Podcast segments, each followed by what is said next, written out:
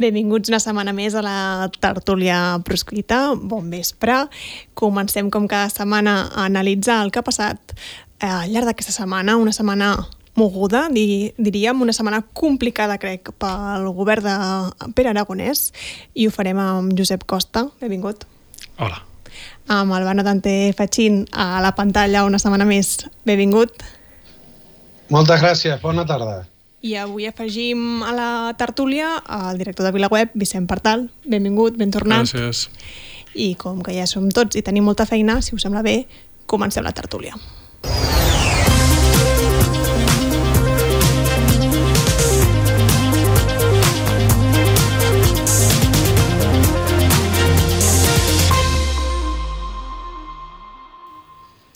Com dèiem, aquesta ha sigut una setmana complicada pel govern d'Aragonès eh, per diversos motius, eh, alguns que li afecten més a ple, altres que segurament no són ells els responsables directes, no?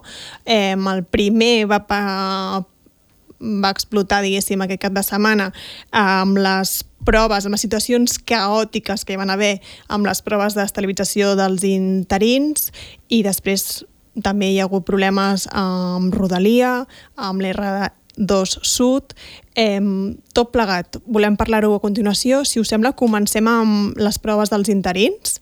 Eh, unes proves que es van convertir en un infern per més de 13.000 persones, eh, gent que havia de que va haver d'esperar més de dues hores per poder entrar a fer les proves, gent que va haver de fer les proves eh, asseguts mm, i no tenien taula i per tant ho van fer com a taula una paperera gent que va sortir de les proves per anar al lavabo quan això en principi està prohibit i a saber què van passar aquells lavabos o no van passar tot plegat, eh, els sindicats han demanat dimissions, l'oposició ha demanat dimissions i ara sembla no, que el govern eh, el que farà és repetir aquestes proves, 2.600 persones ja han presentat reclamacions, tot plegat un embolic. Com ho veieu? Què, què, què en penseu del que ha passat aquest cap de setmana? Bé, jo el, el, crec que el primer, per acotar les coses de, de, de, de, del debat, el primer que cal tenir molt clar és que el, la responsabilitat d'organitzar tot aquest procediment eh, ho faci en personal propi o ho faci a través d'una empresa subcontractada és del govern és a dir, no és possible en un contracte administratiu, en una activitat administrativa, dir que això és responsabilitat d'una empresa que tu has contractat, perquè no és possible contractar una cosa que no estigui sota la teva direcció. Per exemple, els, els contractes sempre tenen un responsable de contracte que és uh -huh una autoritat, un funcionari de l'administració, que és, per tant, el que ha de garantir que aquell contracte s'executa correctament. El... Quan tu contractes una cosa, has de donar una quantitat de detalls de com s'ha de fer tot, de quines condicions ha de complir el personal, de quines eh, condicions ha de complir l'empresa a nivell d'experiència, de solvència. Eh, és a dir, hi ha tants requisits i tant control en un procediment com aquest que eh, fins a l'últim detall ha d'estar previst i supervisat per, pel responsable del contracte, que sempre és el govern, sempre és l'administració. Per tant, crec que aquesta és la primera dada, descartar qualsevol tipus de derivació de responsabilitat o de dir que això és culpa de l'empresa perquè l'empresa que tu has seleccionat resulta que són incompetents. Si l'empresa que tu has seleccionat són uns incompetents, l'incompetent ets tu per haver-la seleccionat. Uh -huh. Perquè la primera garantia d'un procés de contractació és que l'empresa que guanyi compleixi els requisits de solvència i de professionalitat. Si no els compleix, és culpa teva per haver-la seleccionat malament. Vull dir que eh, això, eh, des del punt de vista de, de, de, de la forma, de, de com funciona tot això, és una qüestió bàsica. Per tant, a partir d'aquí, evidentment, tot el que ha passat eh, no és que diguem que plou i culpa del govern, no? és que en una qüestió que és responsabilitat exclusiva del govern, que és seleccionar el seu personal, fer unes oposicions, eh, ho han fet fatal. I, per tant, eh, el desastre no se pot eh, eh, arreglar, diguéssim, no, no se soluciona dient que ha dimitit una persona que no té res a veure amb tot el procediment de disseny d'aquesta operació, no? perquè la van nomenar quan ja s'havia decidit contractar una empresa privada, s'havia decidit quines condicions havia de complir aquesta empresa, s'havia seleccionat l'empresa i per tant aquesta persona com, com deia l'editorial no, d'en Vicent l'altre dia, és un poc expiatori. Aquesta persona no té cap responsabilitat en la manera com s'ha decidit i s'ha executat aquesta subcontractació d'una cosa que no s'hauria de subcontractar, que és la primera vegada que es fa de subcontractar una cosa tan important des del punt de vista de, dels drets fonamentals com és eh, la selecció de personal públic.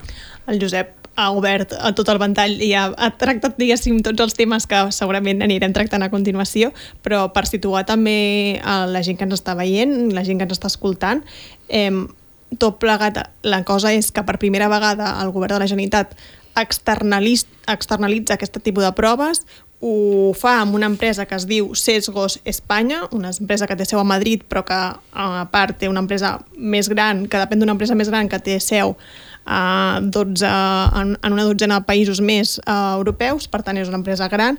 La cosa és que aquesta, després s'ha sabut que aquesta subcontracta a una ETT per agafar aquesta gent que està controlant les proves, en principi aquesta gent no ha de tenir la responsabilitat de les proves, sinó només ha d'ajudar en el control, i aquesta gent no té la formació adequada per gestionar tot plegat.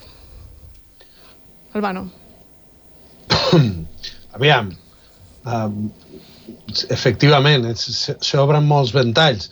Uh, la, la, la formació requerida per uh, aquestes proves, ostres, si de veritat estem parlant de que no hi havia prou taules per fer els exàmens, és que estem parlant d'un nivell ja no de, de problema de formació d'algun personal, estem parlant d'un desgavell. Però més enllà de la qüestió concreta, i m'agafo el que deia en Josep, de, no és només que bueno, ara li fotem la culpa del govern a tot, no és només una qüestió contractual, sinó que després hi ha una lectura política d'això. Per què? Perquè, si ens hi fixem, des del punt de vista d'orientació de, de, política del govern de la Generalitat, aquest cas serveix per invalidar moltes de les línies estratègiques de, del govern d'Aragonès, perquè una d'aquestes línies estratègiques era anem a demostrar políticament que la gestió es pot fer bé i que el nostre govern, no, una mica la, aquella idea del govern efectiu, no? Llavors, queda invalidada la idea de nosaltres venim a gestionar, potser no us venim a, a donar la, la, la independència express, però com que gestionarem bé, d'aquesta manera ampliarem la base i demostrarem que els independentistes gestionem bé. Per tant, aquesta idea paraigües, en aquest cas, queda prou invalidada. Després hi ha una altra idea.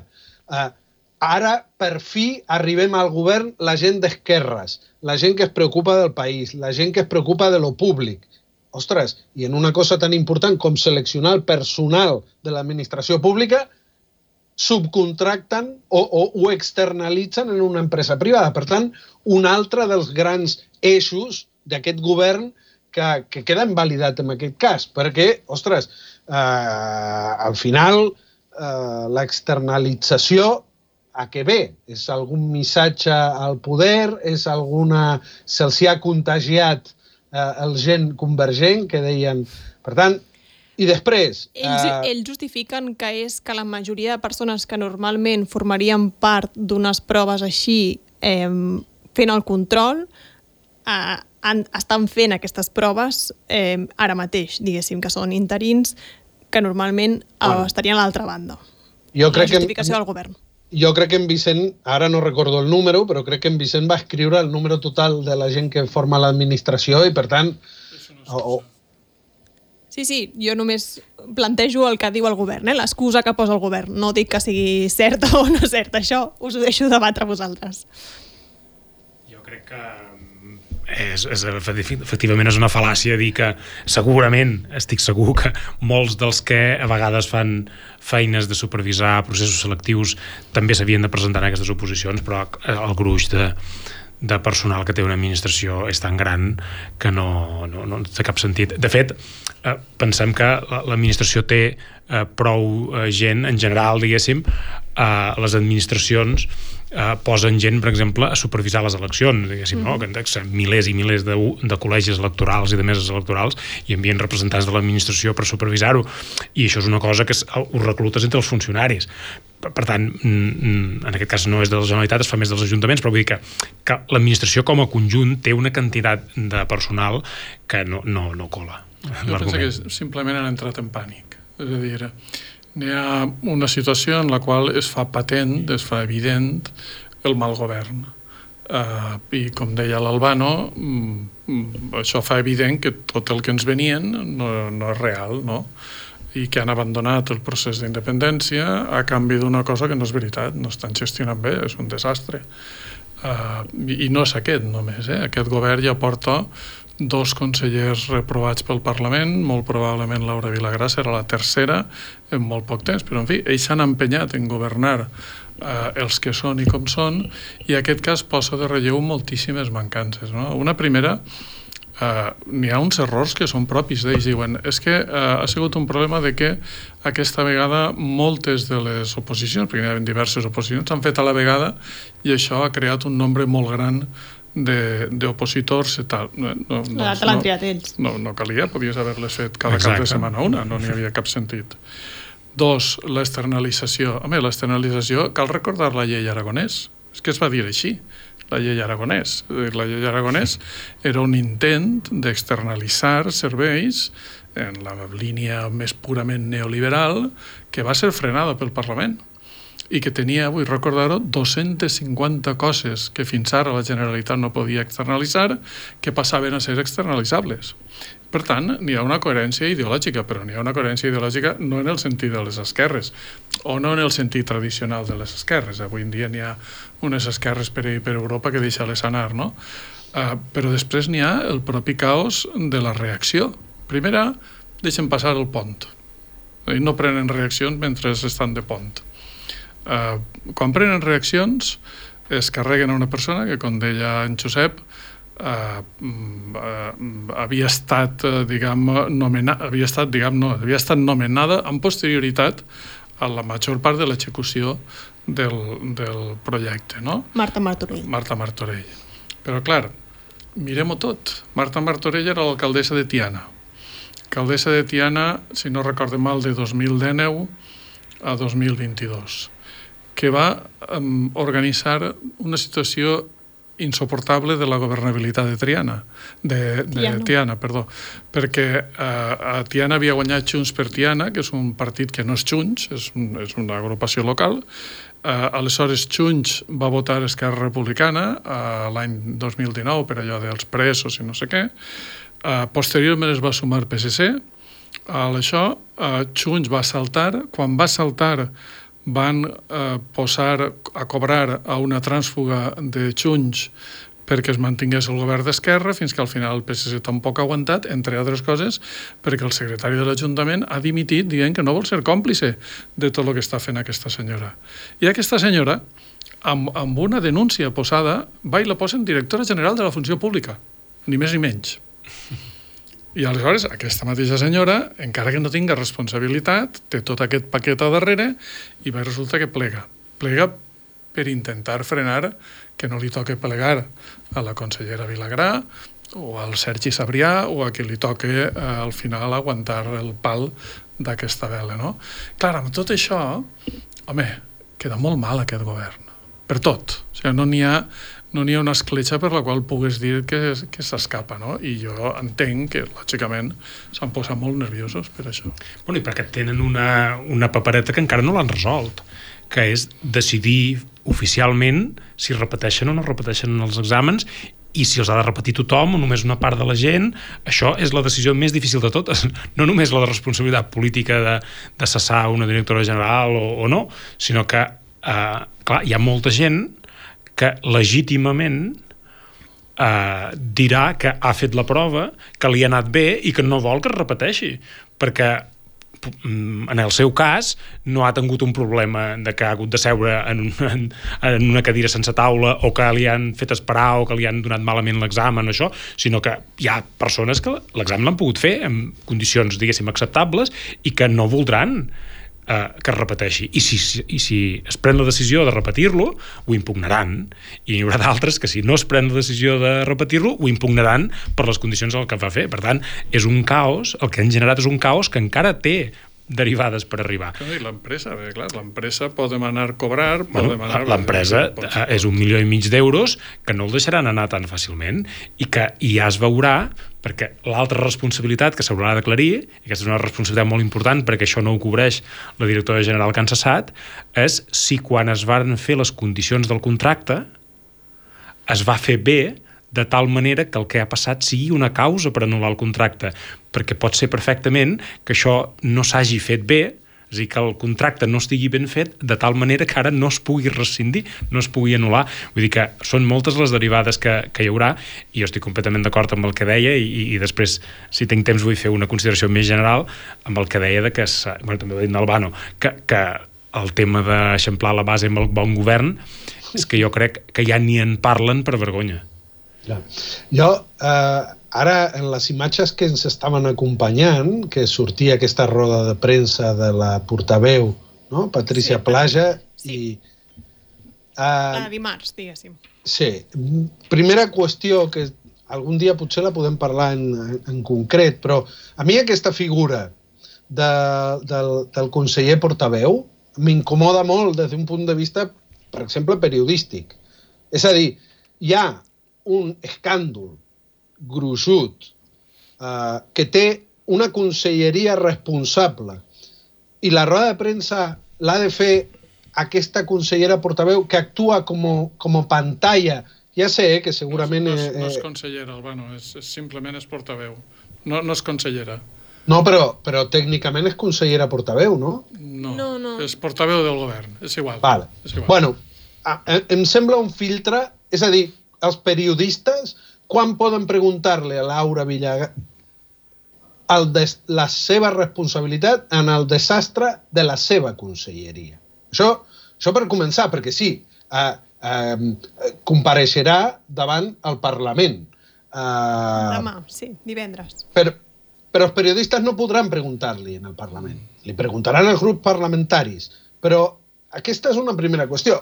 Sobretot tenint en compte que és una consellera ostres, que arrossega eh, eh, un historial que passo molt per sobre, però la, la taula de diàleg, mm, vull dir, ella és la cara de la taula de diàleg, l'hem vist moltíssimes vegades en reunions amb Bolaños, eh, fent un paperot, eh, al final, ella és responsable política d'això, i després jo tinc, aquesta espina la tinc clavada, és la responsable de posar la cara per l'organització dels Jocs Olímpics amb l'Aragó. I vull recordar que aquesta senyora es va reunir en secret amb el uh, jefe Alejandro Blanco, amb el jefe del, del Comitè Olímpic Espanyol, quan en teoria no se'n parlava més del tema dels Jocs Olímpics i recordo també que una setmana després de que esclatés l'escàndol de Pegasus, seguien adjudicant contractes per organitzar els Jocs Olímpics amb l'Aragó. Aquesta persona, i tant que ha de donar eh, resposta davant del Parlament, però ha de donar resposta davant la ciutadania. I jo el que veig és eh, una consellera que s'amaga i, i, i bé, veurem què passa en el Parlament, veurem quines són les explicacions, però eh, la sensació d'impunitat, la sensació de frivolitat, perquè després també un altre dia podríem parlar de la portaveu del govern, però bueno, deixem-ho aquí. Eh, diré que sí que va compareixer, i semblarà que estic donant la raó la contrària, eh? però que sí que va compareixer el diumenge, vull dir que la, la situació es va complicar tant que diumenge Vilagrà sí que va, va, fer, una, una va fer una intervenció, va fer unes declaracions. Ah, aquestes eh, no les vaig veure.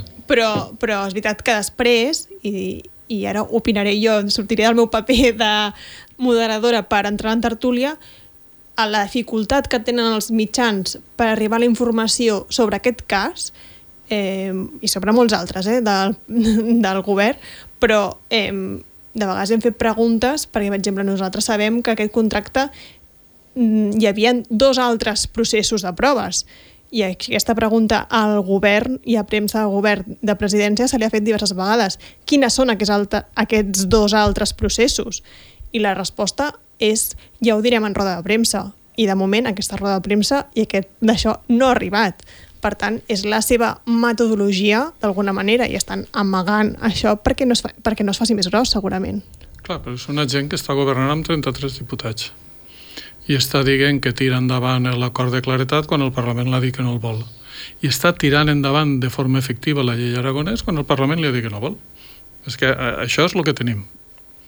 Sí, no, i, i, i jo ara també vull recordar que quan, quan es feien les candidatures de, de, de les eleccions es va, diguéssim, com comentar que Esquerra no, plantejava buscar una persona de molt de pes polític, de molta capacitat de gestió per ser la número 2 del govern i va resultar sent a Laura Vilagrà, diguéssim, que no, la, que no era molt coneguda. No la coneixia ning, ningú més enllà d'una mica la, la, la comarca allà on havia que havia estat eh, fent carrera política um, i evidentment el talent uh, és el que és jo crec que aquí hi ha una cosa i, i, i aquest dia hi, hi, hi reflexionava el, el, no? en Albano i jo compartim una, una experiència que és haver traspassat una barrera que, que és la barrera del protocol és la, la barrera darrere la qual eh, uh, s'amaga, diguéssim, la realitat humana del que és la classe política. No? I jo mm, record perfectament que quan vaig entrar la primera vegada al Parlament o al Palau de la Generalitat eh, ho feies amb, una, amb un pes, diguéssim, amb una sensació d'estar entrant en un lloc, diguéssim, d'una mm, importància, no? d'una transcendència fins i tot, que et feia molt de respecte entrar-hi, no? I, però que una vegada que ja estàs dins, ja has traspassat la barrera del protocol, que en dic jo, quan estàs darrere i veus el que realment passa i la qualitat humana de la gent que hi ha i la qualitat professional de la gent que hi ha, te n'adones que el protocol és una pantalla que ens fa veure coses que no són, que, que d'alguna manera eh, eh, vesteixen unes institucions que eh, en la realitat estan en mans de gent profundament incompetent i eh, diguéssim que no està ni mínimament eh, en condicions de gestionar un país. Doncs, és a dir, que la seva capacitació està... professional, intel·lectual, acadèmica per gestionar un país no hi arriben ni de lluny. Estan per sota de la mitjana diguéssim, de capacitats professionals i intel·lectuals d'aquest país. I això eh, és molt greu i, i, i és la responsable de moltes coses aquesta circumstància. I és una circumstància que viu amagada o que viu camuflada una mica en, el, en, en la pompa del, del, del poder, no? Albano. Sí, el que, el que passa, Josep, que el que estem veient, o sigui, tu, tu dius, ostres, des de fora veus una pantalla, un protocol, una pompa, un... El que passa és que està fallant fins i tot la pantalla.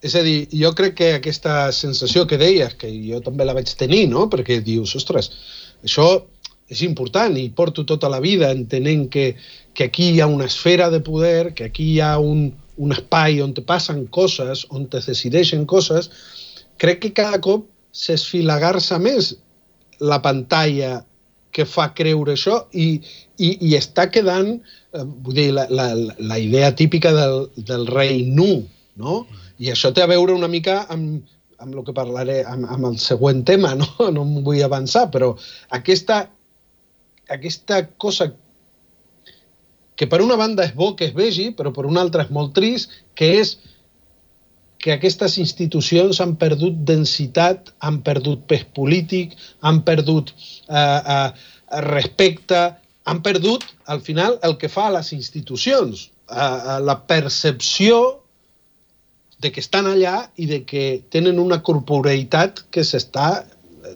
desfent, no? Hi ha, hi ha un exemple molt divertit. L'altre dia van entrevistar el president aragonès en un d'aquests programes mig d'humor i fent-se el graciós va explicar-lo dels timbres de Palau. És a dir, a Palau, eh, ara no recordo exactament, però em sembla que és quan entra el president sona un timbre, el Parlament quan, també. quan marxen sonen dos, o alguna cosa, i ell diu en un moment determinat. I n'hi ha un moment que sona un timbre llarg, i em van explicar que el timbre llarg era perquè entrava la meva dona. Això és ridícul. El timbre llarg és perquè entra un visitant. I això, els que hem estat com a periodistes dins del Palau de la Generalitat ho sabien. Jo he estat fent feina com a periodista i m'han avisat, quan sona el timbre llarg s'ha de quedar tothom quiet perquè vol dir que ve una personalitat important i que per tant protocol l'ha de poder conduir no sé què tal i qual. I el president actual de la Generalitat es pensa de veritat que li toquen el timbre perquè entra la seva dona? Eh, és que fa riure, eh? és que dius, escolta, però no li ha explicat ningú ni tan sols el protocol, és dir, no, no coneixen ni el protocol de la casa a aquest, a aquest nivell, eh? tan, tan ridícul hem arribat. Bueno, és que ara, parlant de, de, de protocol, eh, vàrem veure, per exemple, com, com es, eh, quines imatges donava el, el mateix president autonòmic quan es reunia amb autoritats a Sud-amèrica en el seu viatge uh, no? que, va, que va ser a Colòmbia i a, i a Argentina, etc. Hi havia algunes fotos d'aquelles d'aquelles reunions que feien que si les hagués fet un estudiant de protocol era un suspens radical, diguéssim, no? I clar, i els serveis de protocol de la Generalitat, jo no sé què han fet amb ells, perquè la Generalitat té un servei bo. històricament bo, té un bon servei de protocol, però, però jo... L'han tirat, eh? Que ja a mi em consta que han tirat gent de protocol que no era de cap partit, que portava dècades treballant a la Generalitat sense ser de cap partit per posar gent de partit. I, i, i, i al final, això és el, és el mal, és la causa per la qual, això que acabes de dir, és, és la causa per la qual darrere del protocol s'hi amaga diguéssim, la incompetència i la insolvència de tantíssima gent que estan allà només per ser del partit. Pensa només eh, fer, de, dir que t'has intentat reunir amb el president Obama, Obama quan ha vengut a Bruce Springsteen i no s'ha volgut reunir amb tu, és de primer de lo més elemental, és a dir, tu pots dir que era una visita privada, que ni ho has intentat, però especificar que ho has intentat i t'ha dit que no, quan s'han anat a reunir-se amb l'Abà de Montserrat, que aquest sí que mana, Mm. Uh, home, és que quedes molt mal, no? És que n'hi ha un punt que dius, però qui, qui caram està a la, a la taula de comandament d'aquesta gent? Això després d'anunciar públicament que et reuniràs amb el president de Colòmbia, que et deixi plantat, ah i que després aparegui a Madrid amb tota la pompa del rei d'Espanya i del president espanyol. Mm. Perquè això, les dues coses van relacionades, evidentment. I tant, i tant. I que amb aquests socis de govern de la taula de diàleg que deien Albano, eh? és a dir, aquests són els socis amb els quals van pel món. Canviant de tema, si us sembla bé, passem a, al caos a Rodalia. Això no seria una novetat, diguéssim, mm, perquè eh, cada setmana hi ha un problema però sí que aquesta vegada és greu, afecta a l'R2 Sud, eh, s'allargarà mínim tres setmanes, mm, quatre, tot plegat, ara tothom està centrant-ho en si va caure el llamp o no va caure el llamp, no, diguéssim, i si realment és un problema del llamp o no, o si és un problema de la infraestructura, però és que crec que estem desviant el tema important. El problema és que fa dècades que no s'està invertint en, en, en aquestes infraestructures i per tant cada vegada van pitjor i cada vegada hi ha més problemes.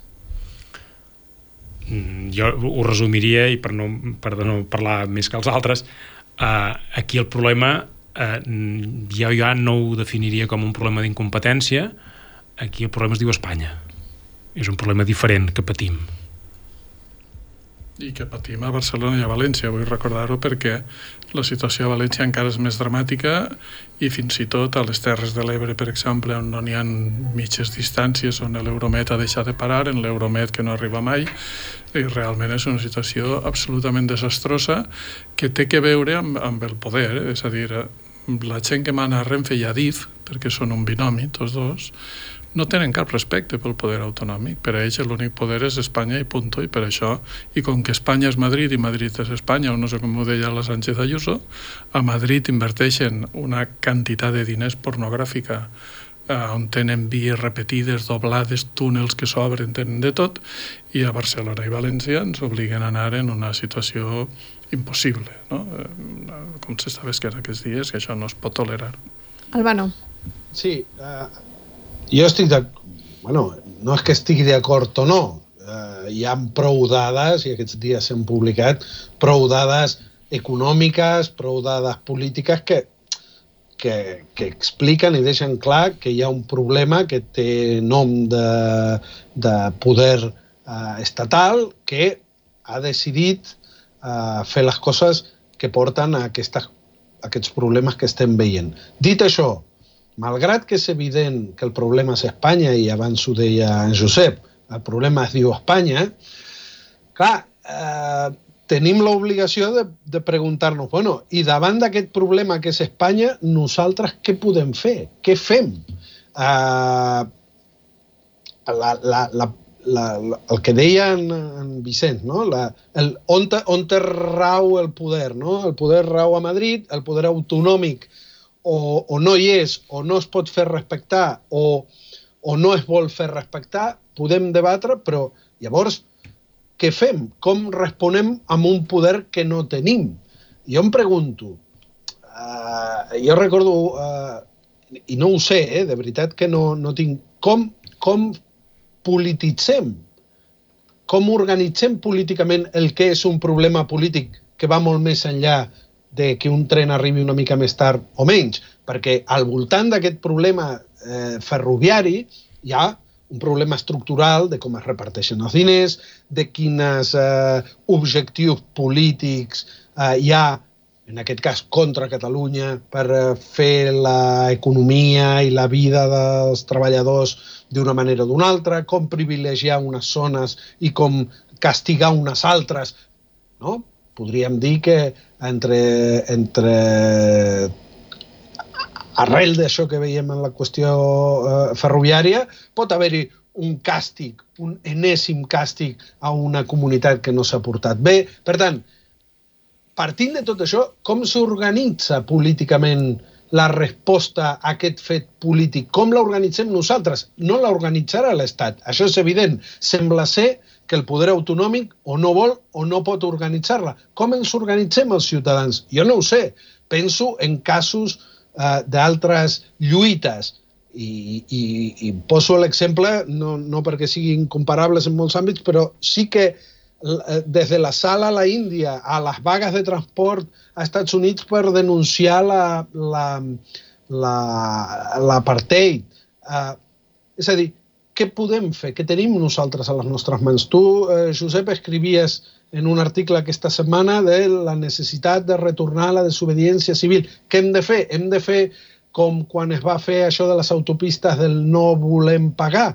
Qui ho ha de posar en marxa? Ho dic perquè al final, si no hi ha poder institucional, que és el que dèiem abans, no hi ha poder institucional amb capacitat de plantar cara davant d'un problema que estan patint milions de persones, llavors hauran de ser totes aquestes persones les que trobem la manera d'organitzar-nos i donar una, una capacitat política. Jo, jo precisament crec que així és on es nota molt l'abandonament la, del projecte independentista per part dels partits. I, i poso un exemple.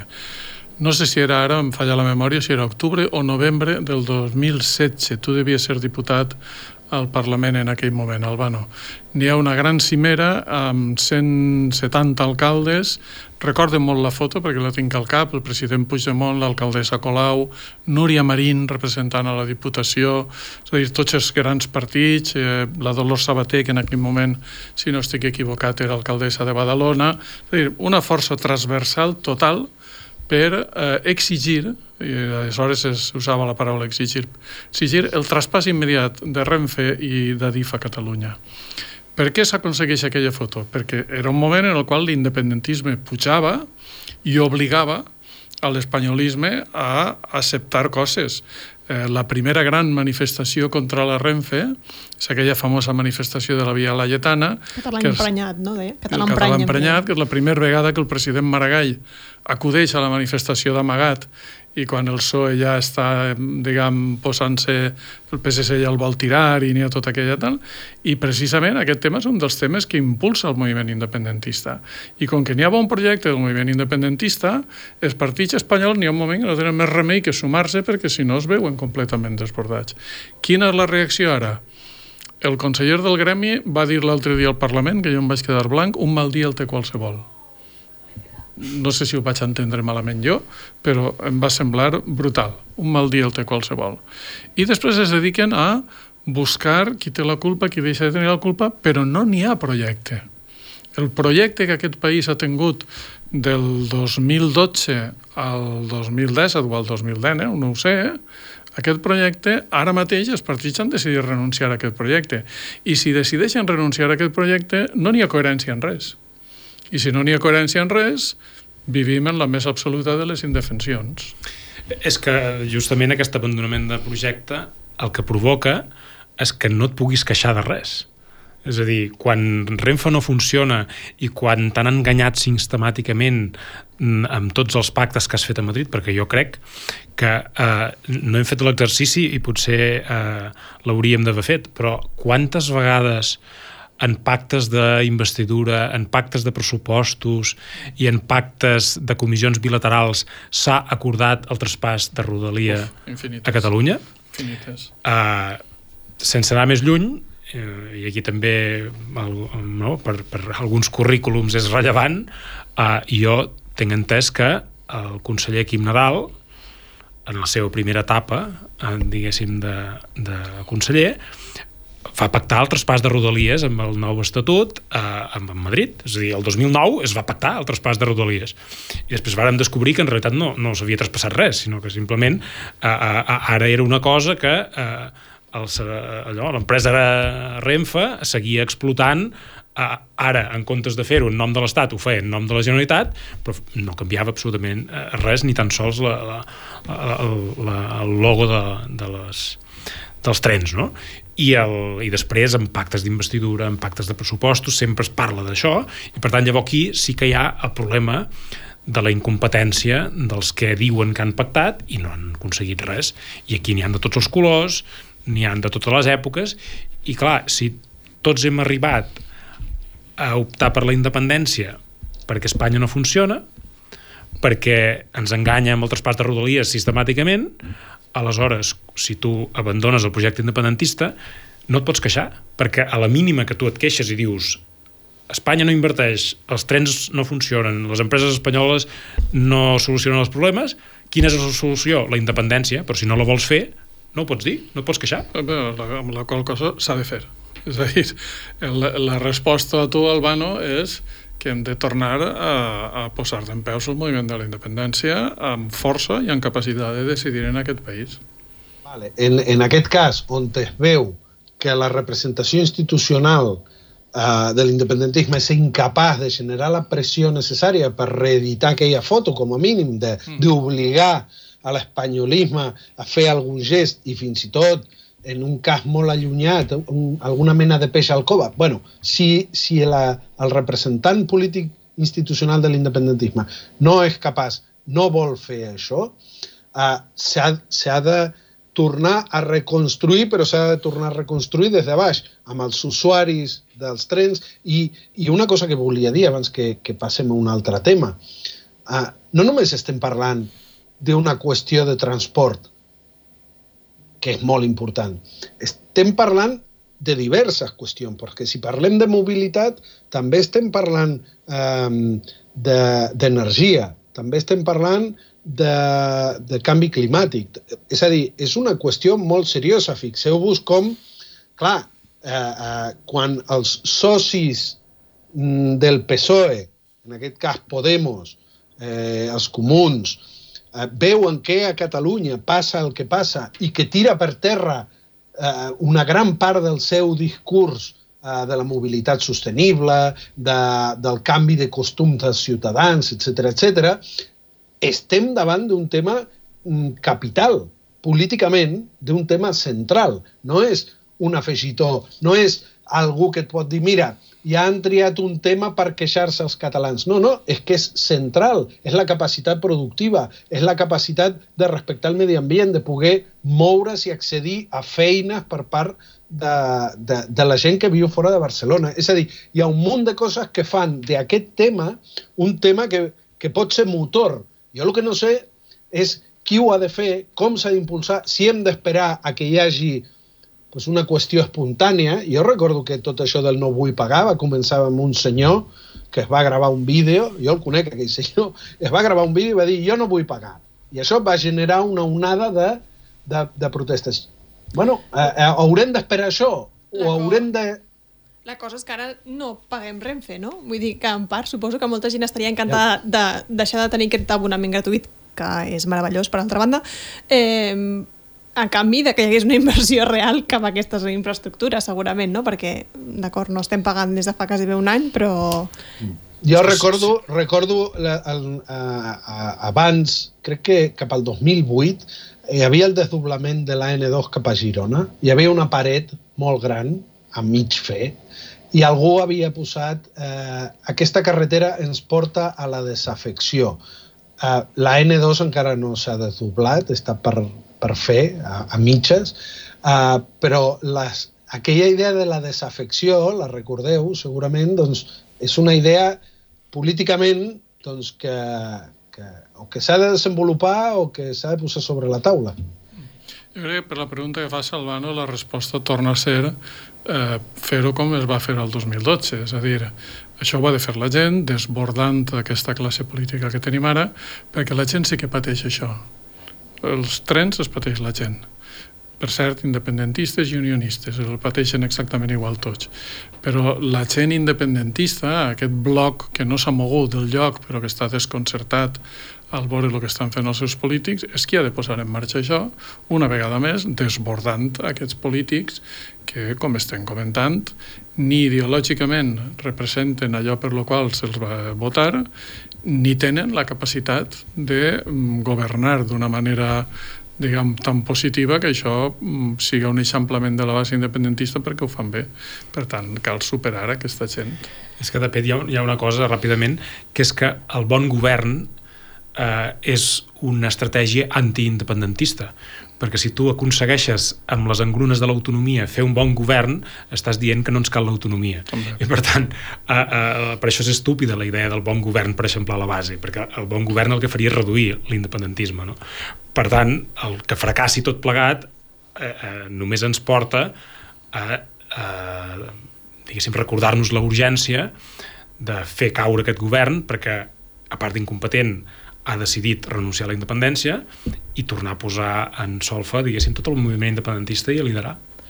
Doncs canviem de tema, l'últim tema tractarem avui, tema recurrent aquesta tertúlia, perquè crec que la sentència de Laura Borràs va començar a la, a la segona tertúlia i en portem vuit i no acaba d'haver-hi al final. No? Ahir eh, va, la Junta Electoral Espanyola va decidir ahir de retirar l'escó de Laura Borràs es va prendre ahir les decisions, eh, se'ns va dir als mitjans que no ho sabíem res fins avui al migdia, que enviarien la nota de premsa, mentida, eh, de les 10 de la nit tots vam haver de córrer perquè es va filtrar primer a l'ABC i després se'ns va anar confirmant a tots els mitjans que això era així. Per què sempre passa això? Per què sempre s'acaba filtrant aquesta informació? Per què no sabem la informació de la manera normal i que lògica que hauria de ser? Vicent. Bueno, això s'ha d'explicar que només passa a l'estat espanyol. És a dir, en un país europeu normal una sentència no es filtra mai. El que passa que com que a l'estat espanyol la institució judicial és una institució política al servei de la política i concretament al servei de la nació espanyola, aleshores fa coses que no són normals en els països europeus. No n'hi ha, no n'hi ha cap país... Fins i tot, si no recorde malament, eh, n'hi ha algun país com Alemanya on en el supòsit de que es filtre una sentència judicial que és extraordinàriament rar, els diaris tenen prohibit publicar-la sota pena de, de, de multa i tal, no? Perquè és que és sagrat això, la, el resultat d'un judici, de qualsevol decisió judicial, s'ha de comunicar primer a l'afectat. És que, clar, és que si no la indefensió és total, absoluta. Si us sembla bé, connectem amb el Parlament, on tenim Odei Echearte, que està allà pendent d'això. Portem hores parlant d'això, eh, ho deia en realitat, i pendents. Eh, la primera que va sorprendre, sorprendre ahir la, 10 de la nit era a tu i a mi que havíem de córrer corrents, diguéssim, eh, però per situar-nos en quina situació estem ara mateix, eh, què ha passat avui al Parlament i què ha dit exactament la Junta Electoral Espanyola, no sé si resumidament ens podies situar a tots plegats. Benvinguda, per cert. Sí, doncs avui el Parlament ha rebut la notificació de l'acord d'ahir de la Junta Electoral espanyola, que bàsicament és eh, acordar doncs, la, el que es diu la inelegibilitat sobrevinguda de Laura Borràs, declarar el seu escó vacant i que es certifiqui, doncs es doni l'acte al següent membre de la llista, que en aquest cas, com sabeu, és, és l'Antoni Castellà. El que ha rebut avui la, la mesa del Parlament, el Parlament com a institució en general, és la notificació d'aquest acord. Però no hi ha cap ordre directe de moment ni cap avís de la possibilitat d'incórrer en un delicte penal, eh, si no se li retira en aquest moment encara l'escó Laura Borràs. És només a títol informatiu, per dir-ho d'alguna manera, no? A més a més, a títol informatiu vull dir de l'acord que va prendre ahir la Junta Electoral, que és d'aquesta retirada de l'escó. La mateixa Junta Electoral recorda al Parlament que té la potestat de presentar un recurs al contenciós administratiu, que és un, un tipus de recurs que ja va presentar al Parlament i també els mateixos afectats en els casos de Quim Torra i Pau Jubillà. Eh, la, la, el que ha fet avui la mesa és acordar que presentarà aquest recurs, però el Parlament no pot fer-ho, no pot fer-ho, la majoria independentista, diem que és la que està d'acord, no pot fer-ho si el Parlament no ho vota i aquest vespre eh, el més probable que passi és que s'ampli l'ordre del dia i s'introdueixi aquesta votació al final de la, de la jornada d'avui, a partir de les 8 del vespre, més o menys. Llavors el Parlament presentarà aquest recurs contenciós administratiu amb la petició de mesures cautelars que el que busquen en teoria és evitar que la, la retirada de l'escó es pugui produir, demanen com la suspensió del procés, però ja sabem que cap de les vegades en què els afectats o el mateix Parlament han demanat abans que s'aturi el procés no ha, passat, no ha passat mai, per tant, no evitarà que finalment arribi aquest requeriment i aquesta ordre de la GEC directa al Parlament, però el que fa és com no guanya temps, però sí que el que fa el Parlament és com exaurir totes les possibilitats de defensa que té de la seva pròpia sobirania i del propi escó de Borràs. I, i, I també la mateixa Borràs o la mateixa defensa de Borràs presentarà un recurs equivalent. Per tant, estaríem dient que la, la retirada d'aquest escó no seria imminent. Parlaríem encara que s'allargaria setmanes. No m'atreviria a dir setmanes, jo crec que és qüest més qüestió de dies segurament, no? que, que tot es vagi, es vagi produint, perquè si que es presenti aquest, aquest eh, recurs a, al Tribunal Suprem, això el més probable és que no aturi, no aturi el procediment, per tant, quan la GEC o la Junta Electoral que, que pertoqui eh, emeti aquesta nova acta per Antoni Castellà, d'alguna manera o, o, o directament no ordeni al Parlament que retiri l'escó i es declari un cop s'hagi declarat vacant de Laura Borràs, llavors el Parlament haurà de fer alguna cosa. I els precedents que tenim no només és important el que faci la mesa políticament, que també ho és moltíssim, sinó també els funcionaris de la cambra. Perquè recordem, per exemple, que en el cas de Pau Jubillà, i també va ser així en el cas de Quim Torra, tot i que amb matisos, eh? Però ara seria com molt llarg d'entrar-hi, però va ser el secretari general de la cambra qui finalment va executar l'ordre de la Junta Electoral. I en el cas de, de Jubillà va ser la secretària general. Doncs ens podem trobar amb una situació equivalent. Perfecte. Amb la, amb la dificultat, digues, digues. Amb la dificultat afegida, perdó, que, que en aquest cas, diguéssim, Esquerra i la, i la CUP estan disposats a defensar les col·laborades i ho estan fent perquè defensen la sobirania del Parlament, bàsicament, eh? Davant la ingerència de la Junta Electoral, però que políticament consideren que Laura Borràs no ha patit l'ofer, que el seu cas és un cas de corrupció. I aquest matís eh, polític que és important, perquè en el cas de Pau Jubillà hi havia més unitat en la defensa de Pau Jubillà perquè consideraven que era una sentència injusta i pròpia del, del procés, no? que és un matís polític que al final és important també. Perfecte, moltes gràcies, Odei. Merci a vosaltres. Ara l'Odei ho deia, no? això que, que, que avui veia xarxes, etc que molta gent li sorprenia, però presenten un recurs de defensa de l'escó de Borràs, però si li han tret la presidència, com, com li podem explicar a la gent això, Josep? No, jo crec que el, el, el que s'estan d'alguna manera esforçant eh, els membres de la mesa és a fer els mateixos passos que s'ha fet amb els altres eh, successos semblants, no? És a dir, quan la, la, la Junta Electoral va retirar l'escó del president Torra, es van fer un seguit d'actuacions, quan se li va retirar en Pau Julià se van fer un seguit d'actuacions, i el que su, supos que no volen és donar-li eh, a Laura Borràs l'argument de que no han fet el mateix que es va fer amb els altres quan se, quan se li va retirar l'escó. Eh, perquè és evident que tots estan d'acord en que la Junta Electoral no és eh, competent per decidir qui ha de composar el Parlament. El que passa és que després de tota la gesticulació acaten i després eh, eh l'efectivitat d'aquesta resolució és inqüestionable.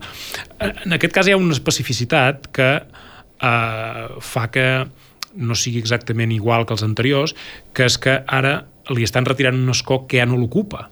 Uh -huh. La presidenta Borràs ja no exerceix, ja seu a la tribuna allà on seuen els expresidents. És a dir, quan cada ple veiem en Laura Borràs a la tribuna del Parlament asseguda allà, aquell és el lloc que protocolàriament correspon als expresidents del Parlament. I quan, de fet, hi ha algun altre expresident s'asseuen junts. Uh, per tant, ella institucionalment ja actua com una expresidenta i no té cap dret dins del Parlament, a cap prerrogativa, i l'únic que determinarà la pèrdua del seu escó eh, és si pren possessió un altre diputat, és a dir, si Antoni Castellà o un altre agafa l'escó, o eh, quan es convoqui un ple per triar una presidència nova. És a dir, però ara mateix més enllà potser de retirar la seva foto de la pàgina web com a diputada, que encara em sembla que hi és, eh, no, no, no hi ha res que els funcionaris hagin de fer per executar la pèrdua de l'escó perquè ja no, no, no l'ocupa, D'això volia parlar. El futur, diguéssim, què passarà? Sembla que no hi hauria aquest debat de substitució de Laura Borràs fins passades les eleccions del 28 de maig, en el cas de, de Catalunya eleccions municipals. Eh, què, què vindrà després? És a dir, aquesta substitució de Borràs farà potser encara més dividir eh, Junts? Albano. Uh, segurament la, la situació interna de Junts explica també, o, o al revés, la situació de Borràs explica una mica la situació interna de Junts. Però jo, jo mm, voldria voldria obrir una mica més enllà de la, mm-hmm. de la solidaritat personal, no? perquè només pel fet aquest de les filtracions doncs, hi ha una persona que és Laura Borràs a la qual se l'estan vulnerant drets eh, i no seria la primera vegada en tot aquest procés, per tant, solidaritat personal, eh, però després jo obriria el focus i obria, abans l'Odei ens explicava molt bé no? eh, eh, què havia passat eh, amb Pau Jubilià, la, la qüestió del president Torra, eh, ara aquest. Són coses que tenen matisos però que tenen en comú que és, diguéssim, una estructura judicial i administrativa que, eh, diguéssim, modifica l'estructura del Parlament de Catalunya. Per tant, malgrat els matisos, hi ha un problema que es repeteix. Es repeteix amb Puigdemont, es repeteix amb, eh, amb, amb la investidura de Puigdemont, es repeteix uh, amb, amb Jordi Turull, es repeteix amb Pau Jubillà, es repeteix amb Quim Torra, ara passa això.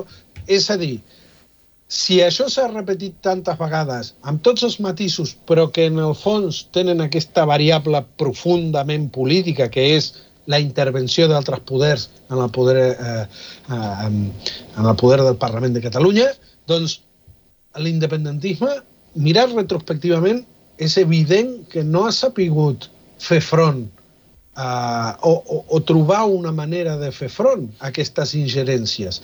En cap dels casos. En alguns per unes qüestions concretes i en altres per uns altres, però segueixen caient eh, representants electes eh, i se segueix canviant la composició del Parlament de Catalunya en funció de qüestions que no tenen res a veure amb el, qual, amb el que hem votat els catalans a les urnes. I això eh, eh, em sembla molt preocupant que no s'hagi trobat una manera de respondre.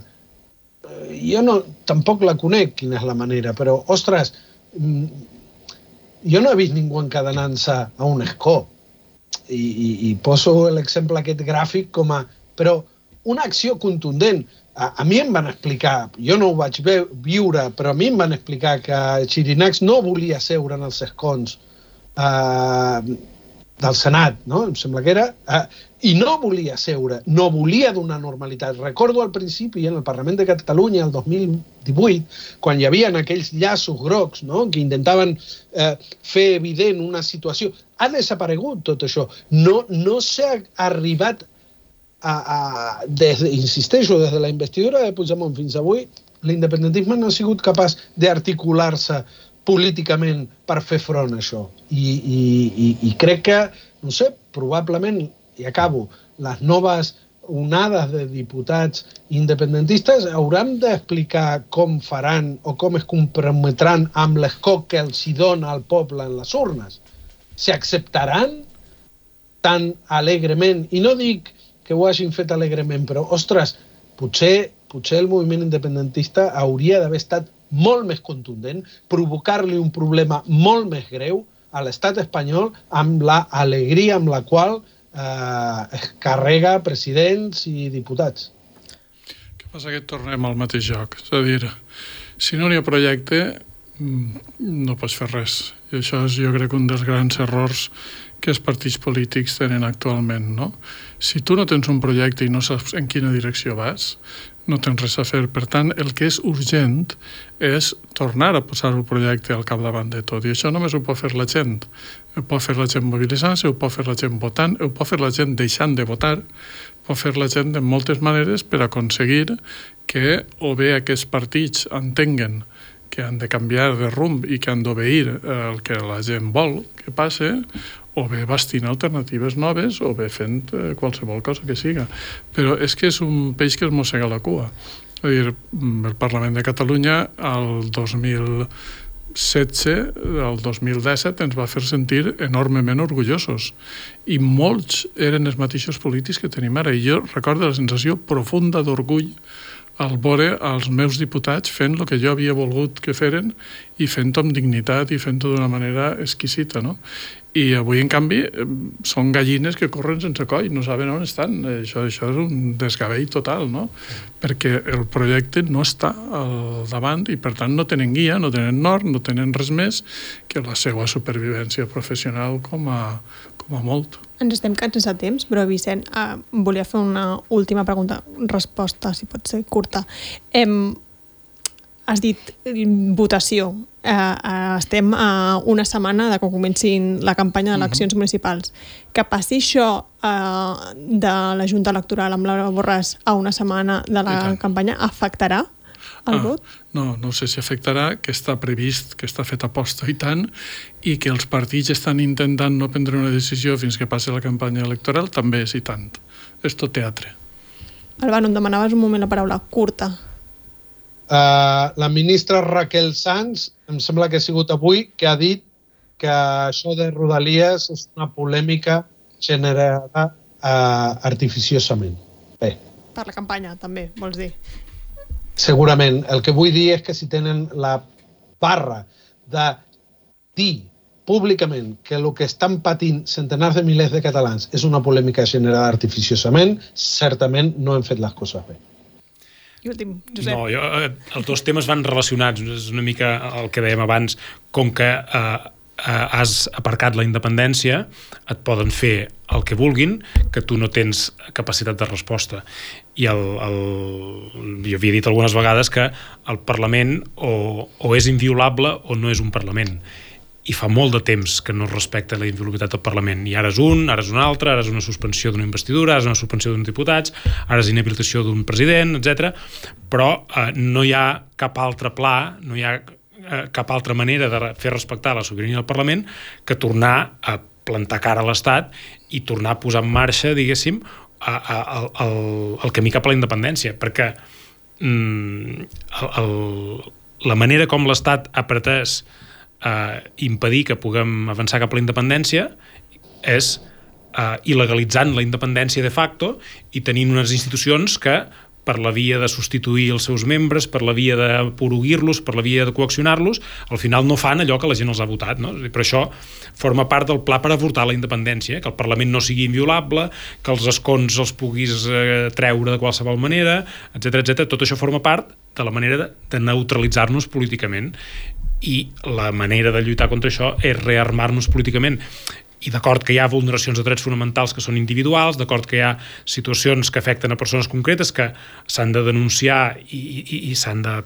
diguéssim, posar també en el lloc que els hi correspon, però que al final el problema és estructural, el problema és que sense, sense independència el, el, Uh, i crec que la imatge de les pollastres sense cap és, dir, és això, és dir, la, la, la, la política autonòmica uh, és un galliner, diguéssim, de, de, de gallines sense cap perquè no, no va en lloc. Mm, l'autonomia ja sabíem que no funcionava, el país no funciona sense la independència i, i, i, i res no funcionarà fins que tornem a posar rumb cap a la independència.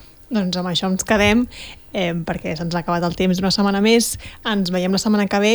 En principi, si ens deixen, si no passen més coses, parlarem d'eleccions municipals, ja que dijous que ve comença la campanya a les 12 de la nit i deixem-me fer una recomanació, ja que aquesta setmana hem començat un especial de Santa Eulàlia del podcast Bou a Vilaweb amb entrevistes als alcaldables de l'Ajuntament de Barcelona.